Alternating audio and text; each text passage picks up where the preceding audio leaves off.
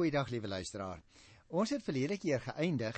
Daar's is so aan die einde van vers 26 van Psalm 104. En ons het daar die interessante uitdrukking uh, gekry hoe dat die Here speel met die Leviathan. Nou wil ek net weer 'n keer vir jou sê as jy miskien vandag vir die eerste keer inskakel, die feit dat die Leviathan daar so spesiaal genoem word, is om uitdrukking te gee aan die almag van die Here, dat hy die skepper is van die see en dan ook van wat die mense destyds beskou het as die see monster, die Leviathan. Nou in die Psalm word dan gesê dat die Here speel met die Leviathan om juis te sê die Leviathan is nie 'n godheid nie, die see is nie 'n godheid nie, die son en die maan en die sterre is nie gode nie. Dit is alles die skepingsvoorwerpe van die Here wat die groot skepper is. Nou wil ek ook sê interessantheidshalwe, as 'n mens kyk in Job 3 by die 8ste vers, dan ontmoet jy ook die Leviathan daarvoor daar, want hy word ook daar genoem. Weereens teen die agtergrond van om te sê, maar die Here het dit alles gemaak. Sommige vertalers vertaal Leviathan as krokodil, maar ons het dit nou in die Afrikaanse teks as die Leviathan juis omdat die mense van die ou wêreld dit so geken het. Dit gaan dus hier teenoor die Here se groot mag, die Here se almag teenoor wat sommige mense gedink het gode is met ook mag. Die Bybel erken eintlik nie die bestaan van afgode nie. Baie interessant, die Leviathan of die krokodil is dus die speelmaat van die Here as hy sou wou. Onthou dis poëtiese materiaal, maar nie vir die mens nie. Al die bewoners van die see is ook selfs bang vir die Leviathan, want die Here is die groot sterk een. En nou nadat hy oor die see gepraat het en die Leviathan wat ook die skepingsvoorwerpe is van die Here se vingerwerk, kom ons nou by vers 27 tot by vers 35. Nou wil ek nog graag 'n bietjie met jou daaroor gesels want uh, dit is ook 'n baie interessante gedeelte. Ek gaan dit eers vir jou lees hier uit Psalm 104. Hulle is almal van u afhanklik. Nou jy sien liewe luisteraar, wanneer vers 27 so begin, moet ons dadelik opmerk dit gaan in hierdie laaste gedeelte van Psalm 104 oor die feit dat die Here die onderhouer is. Hy is die onderhouer van alle dinge, die onderhouer van mense en van diere en van plante. Daarom begin vers 27 deur te sê: Hulle is almal van u afhanklik. U gee hulle kos op hulle tyd. U gee en hulle eet. U maak u hand oop en hulle kry meer as genoeg. Maar as u u terugtrek, is dit klaar met hulle. As u hulle asem wegneem, is hulle dood en word hulle weer stof. U gee die lewensasem en daar is lewe. Ook uit die grond laat u nuwe lewe spruit. Mag daar aan die roem van die Here geen einde wees nie. Mag die werk van die Here hom vreugde verskaf. Hy wat na die aarde kyk en dit bewe, wat die berge aanraak en hulle brand. Ek wil tot eer van die Here sing solank ek lewe. Ek wil die lof van my God besing solank as ek daar is. Mag hierdie bepeinsinge van my vir hom aanneemlik wees en ek wil my in die Here verbly. Mag die sondaars van die aarde af verdwyn, mag die goddeloses ophou om te bestaan. Ek wil die Here loof. Prys die Here. Jy sien liewe luisteraar, aan die einde van hierdie pragtige lofpsalm is almal en alles vir hulle voortbestaan van God afhanklik. Hy is die onderhouer van alles wat lewe. Ook in hierdie tyd wat dikwels vir ons so deur mekaar lyk as ons rondom ons kyk luisteraars, dan moet ons nog steeds onthou dat die Here elke dag, elke oomblik van elke dag sy skepping in sy hand hou. Dat dit hy is wat ook die seisoene in die natuur laat wentel. O ja, dat dit ook hy is wat die seisoene in jou en in my eie lewe laat wentel. En ook hier waar ons soms staan en ons kyk na die skepping en ons word herinner aan die lewe wat die Here gee om hy dit alles onderhou. Wanneer ons soms kyk na die wenteling van die seisoene in ons eie lewe, onthou om die Here te loof.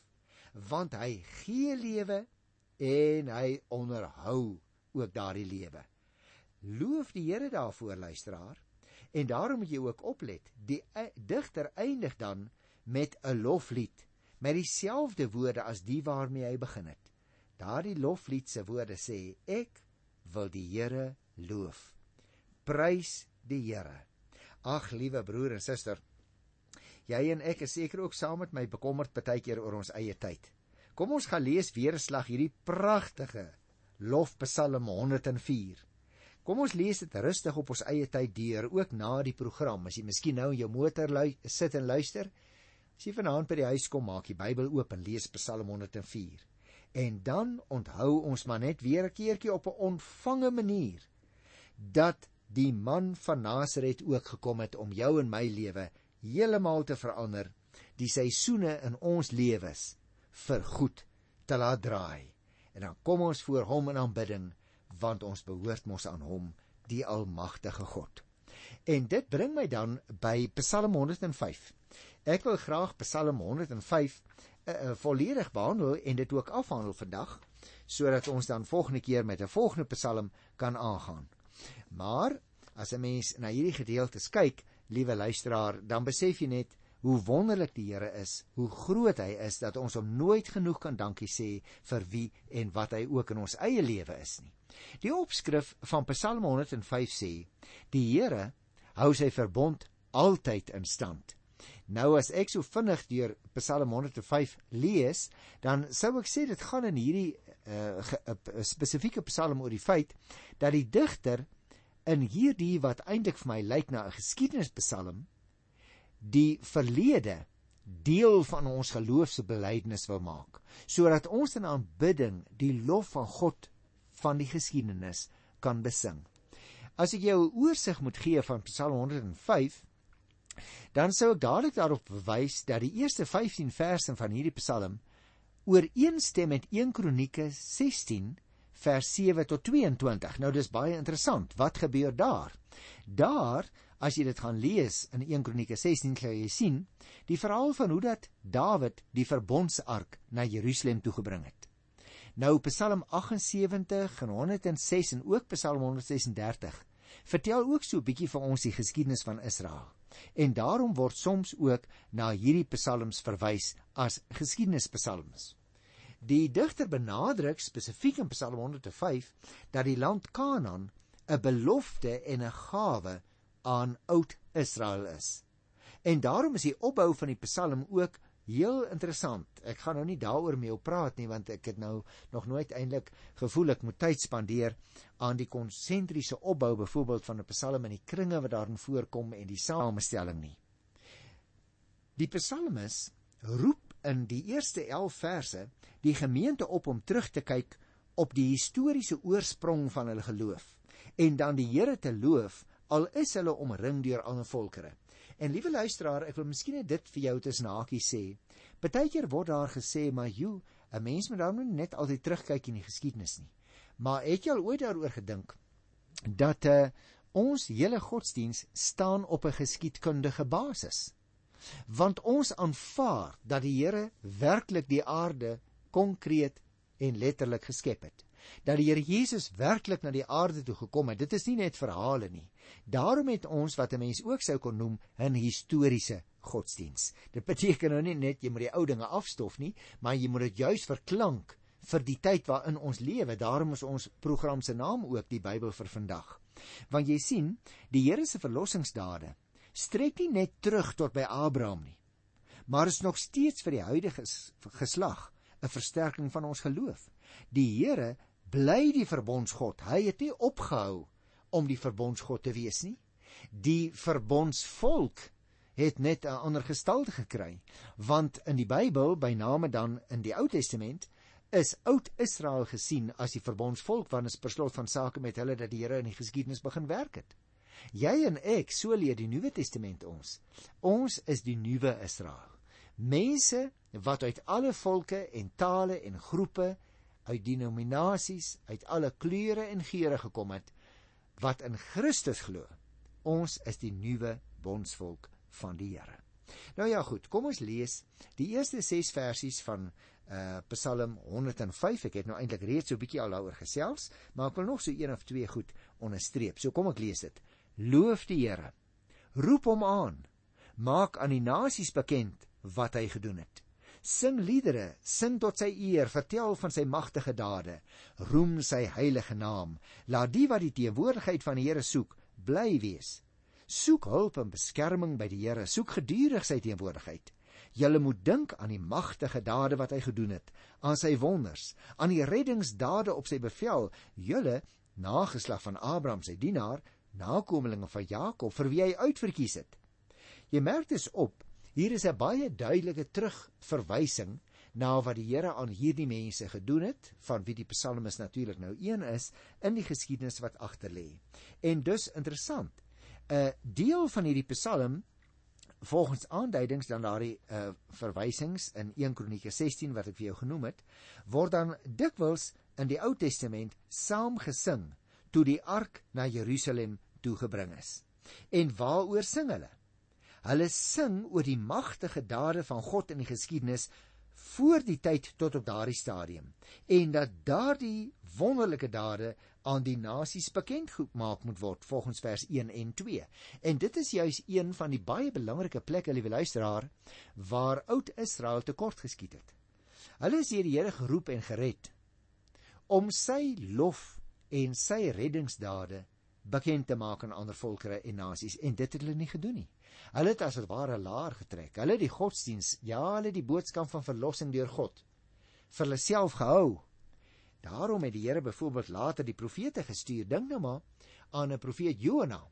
Hy is een van die eerste uh sogenaamde klein profete om die waarheid te sê, hy was die heel eerste klein profeet wat gestuur is na Ninive, na die buiteland, na die Assiriërs met ander woorde, wat glad nie die Here gedien het nie.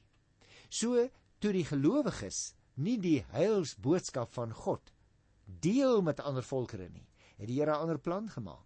Hy het profete gestuur ook na ander volkere toe. En daarom jy en ek wat so maklik sê en ek stem saam as dit gesê word, Ons is hier aan die suidpunt van Afrika geplant. Ons voorouers het juis hierheen gekom omdat hulle gevlug het ter wille van vryheid van hulle godsdiens. Nou sê ons ons is geplant om te wat? Om die lig van die evangelie te laat skyn in Afrika. O, ek sal ook daarmee saamstem. Maar liewe luisteraar, mag ek vir jou vra, wat is jou persoonlike aandeel aan die uitdra van die evangelie? Wat is jou persoonlike betrokkeheid by die verkondiging van die evangelie?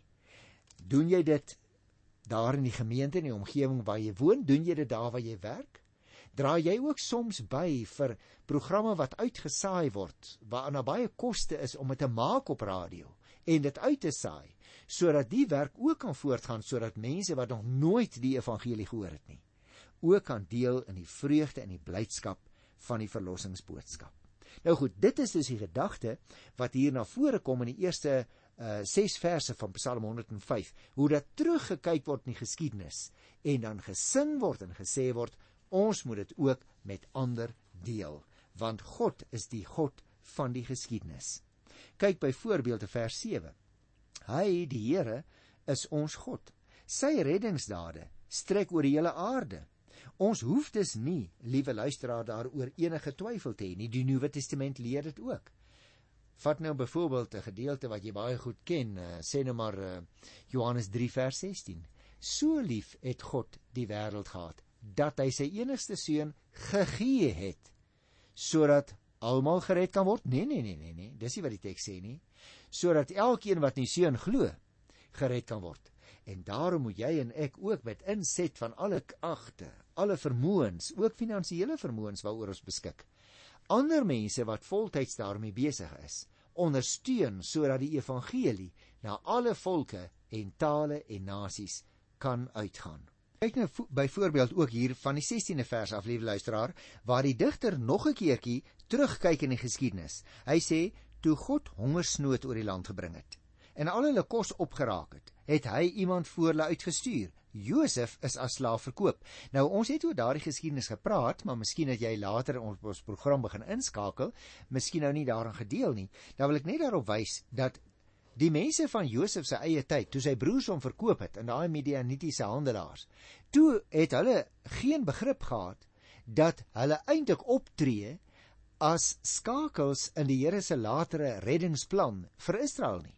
Hulle wou net van hulle broer ontslaa raak omdat hulle afgunstig op hom was. Maar in die Here se plan is Josef verkoop, later na Egipte geneem, het hy onderkoning in Egipte geword en was hy instrumenteel om groot hoeveelhede graan bymekaar te maak. Nou sy eie broers het natuurlik nooit daaraan gedink nie.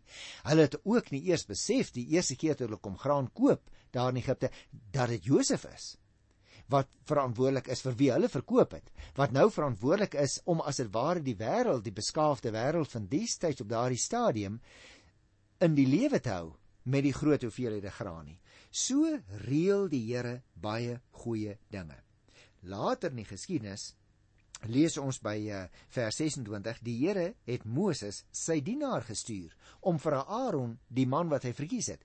Met ander woorde, later wanneer die Israeliete verslaafd geraak het daar in Egipte land vir 400 jaar min of meer het hulle daar gebly, hulle slawe, hulle besit niks meer nie, hulle is ondergeskik, hulle werk verskriklik hard, dan reël die Here weer eens 'n verlossingsplan om hulle uit Egipte land te laat uitlei. Hoe doen hy dit? Hy gebruik 'n man met die naam van Moses.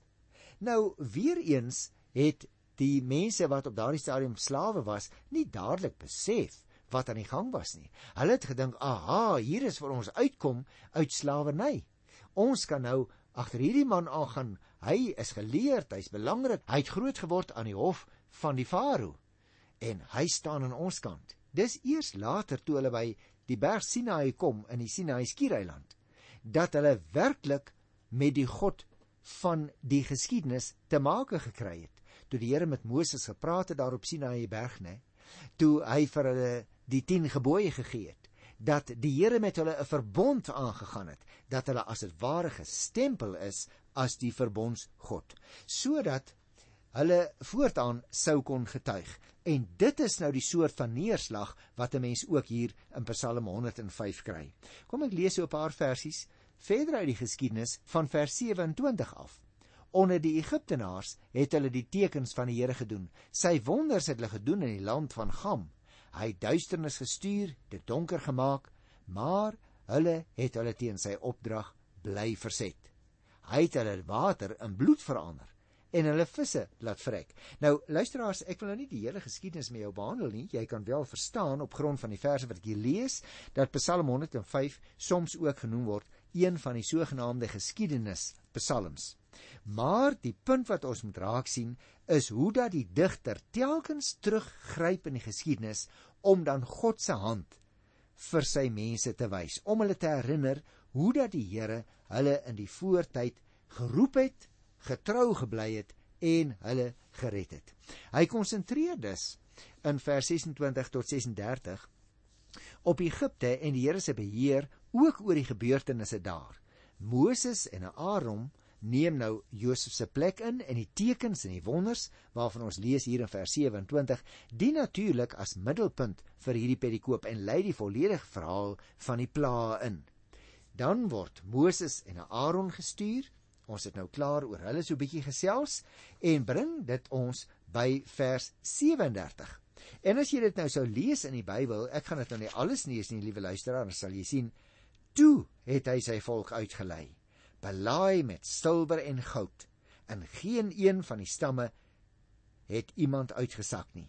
Die Egiptenaars was bly dat hulle vertrek het, want hulle was skrikbevange oor die Israeliete. Jy sien in die eerste deel dus van die Psalm het die digter as dit ware na die vroeë geskiedenis teruggegaan. Maar nou kom hy na die verblyf in Egipte land en dan staan daar spesifiek in vers 45 en dit is ook die laaste versie van Psalm 105. Daarom moet hulle sy voorskrifte gehoorsaam en sy wil doen. Prys die Here. Jy sien as luisteraar, hy wys sy medesangers en volksgenote terug in die geskiedenis om te wat om vir hulle te sê daarom omdat met ander woorde omdat die Here vir ons goed was in die verlede daarom moet ons die Here se heilige naam prys. Jy onthou nog miskien toe ons Psalm 78 behandel het anders as in Psalm 78 waar die sonde en die straf wat toe ook daarop gevolg het 'n lewensles vir die volk ingehou het word die goeie sorg en die manier waarop die Here sy verbond getrou gehou het hier aangegee as die rede waarom 'n dankbare volk die wil van die Here behoort te lewe. En dis baie belangrik, liewe luisteraar. Die Here was nie net getrou aan jou en aan my nadat hy ons gered het nie. Nee, hy is altyd getrou. En daarom omdat die Here getrou was in die verlede, kan ons hom erken vir wie hy is. Daarom kan ons mekaar ook oproep op grond van die heilsdade wat die Here in die verlede verrig het om te sê kom ons dien hom ook nou in die hede. Nie dat ons die Here nou moet vrees nie, liewe luisteraar, want dit is dikwels ongelukkige gedagte wat by mense bestaan, dat die Here by ons vrees wil inboesem. Nee. Nie wets onderhouding om gered te word nie, maar dankbaarheid. En so word die wet in die regte perspektief geplaas. Gaan kyk maar Romeine 3 vers 28 tot 31. Daarom dat Paulus ook vir ons sê dat ons die Here eintlik alleen kan ken as ons sy wet het.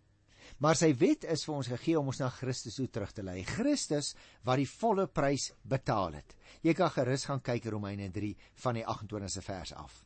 Met ander woorde hierdie en ook die ander psalms waarin groot dele van Israel se geskiedenis oordink word, die mense daaraan herinner word, al daai goed bied 'n besondere insig in die geskiedbeskouing van die gelowige.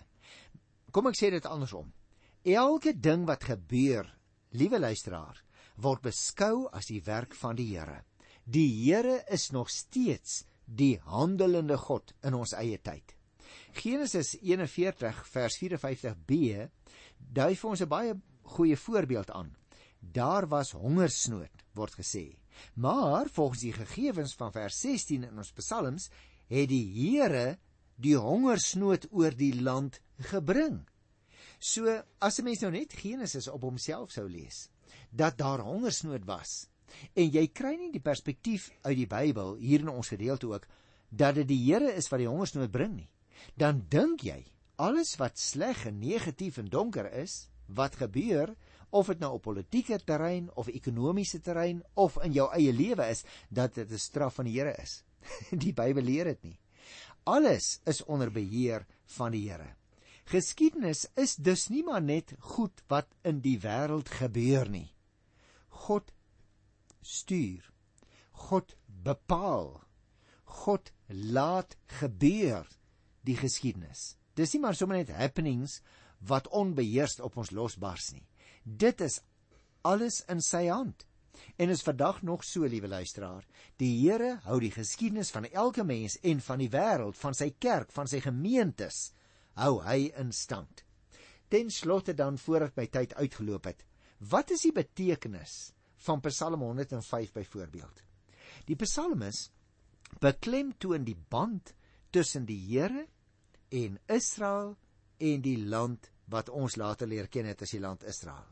Hy plaas dit in die konteks van die belofte en die mag van die Here. Die hoop en die verwerkliking daarvan onder die besturende hand van God. En hy stel die tekens en die wonders van die Here sentraal. Met ander woorde, die ouens moenie net terugdink aan die geskiedenis nie. Die ouens moet terugdink aan die Here se hand in hulle voorgeskiedenis.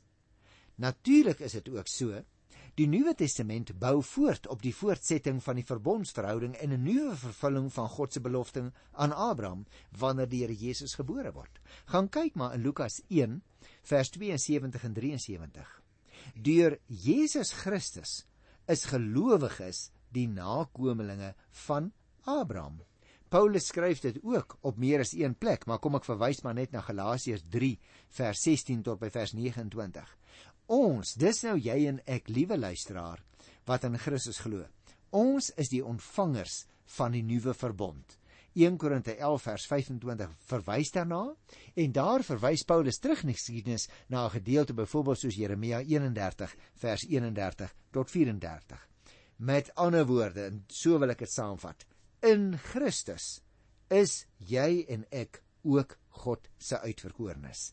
Paulus skryf dit baie baie duidelik in Efesiërs 1 by die 4de versie en ons kry dieselfde gedagte dan hier ook dat hulle wat in die Here geglo het in die tyd van die Ou Testament is die Here se uitverkorenes. Psalm 105 byvoorbeeld vers 6 vers 9 tot 10 vers 17 ek wil nie al die verse herhaal nie want ons het dit so pas behandel.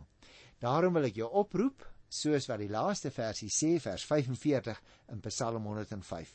Gelowige in Jesus Christus. Kom ons gehoorsaam die voorskrifte van die Here. Kom ons doen die wil van die Here. Kom ons prys die Here. Tot volgende keer groet ek jou in die Here se wonderlike wonderlike naam. Tot dan. Totsiens.